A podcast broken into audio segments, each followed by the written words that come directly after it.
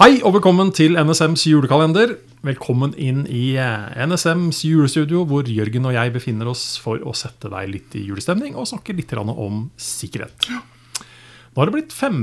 desember. 19 dager igjen, hvis matematikken min stemmer. Og i går, Vi, snak, vi, altså, vi har jo snakket litt om tradisjoner tidligere. Ja. Er det noen tradisjoner som du med stor sannsynlighet ikke kommer til å gjennomføre i år? Ja, det er det faktisk. Eh, og det er et eh, arrangement jeg har deltatt på omtrent hvert eneste år siden midt på 80-tallet, tenker jeg. Ja. Som er en sånn førjulssamling med gamle speidervenner på Nøtterøy. Oi. 22. desember har vi liksom alltid hatt det arrangementet. Går av naturlige grunner ikke av stabelen i år. Og det, det kjenner jeg er litt sånn Oi. Bry- bryter en lang tradisjon, Ja, en med ja. veldig, veldig lang tradisjon. Og det er det nok mange som kommer til å oppleve denne julen spesielt. Mm. Um, og det kommer sikkert til å være et tema for oss uh, litt uh, framover også i kalenderen. Uh, uh, fordi det er rutiner, det er tradisjoner. Hva gjør vi når vi ikke kan følge dem? Men det som er blitt en tradisjon her, da, det er jo at du skal åpne julekalenderen. Yes! Luke fem. Kan jeg gjøre det nå? Yes. Å, den var den var litt seig, den. Men her står det 'huskeliste'. Huskeliste. Ja.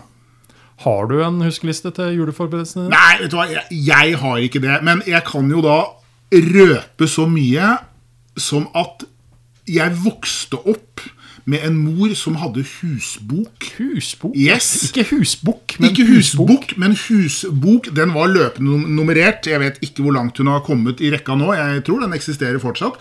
Der sto liksom alt som skulle gjøres til jul, fordelt utover dager.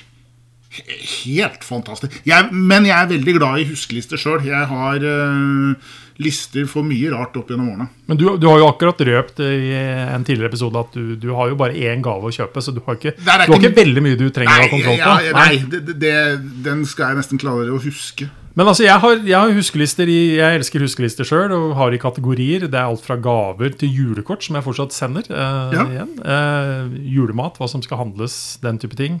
Gjester, eh, det blir ikke så mye av i, i året eh, sånn som det er. Men hva med sikkerhet og huskelister, da? Det syns jeg hører sammen. Ja, Eh, Vi er på mange måter huskelister. Vi er litt i huskelistbransjen. Um, vi har jo de senere årene lagd liksom eh, den store huskelisten Ja. eh, fra NSM til, eh, til hele verden. eh, I hvert fall den norske verden. Eh, grunnprinsippene for IKT-sikkerhet er jo i bunn og grunn eh, systematisk huskeliste for nettopp digital sikkerhet.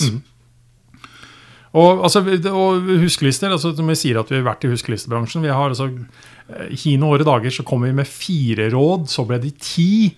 På et tidspunkt så kom vi med noe som heter sikkerhetsfaglig råd, eh, som, eh, som hadde 75 tiltak som, som vi anbefalte, eh, av stort og smått. Eh, Så det handler jo til syvende og sist om å få en form for oversikt. Gjøre seg i stand til å styre og planlegge. Eh, Så, så, så sikkerhet og huskelister, det, det hører sammen.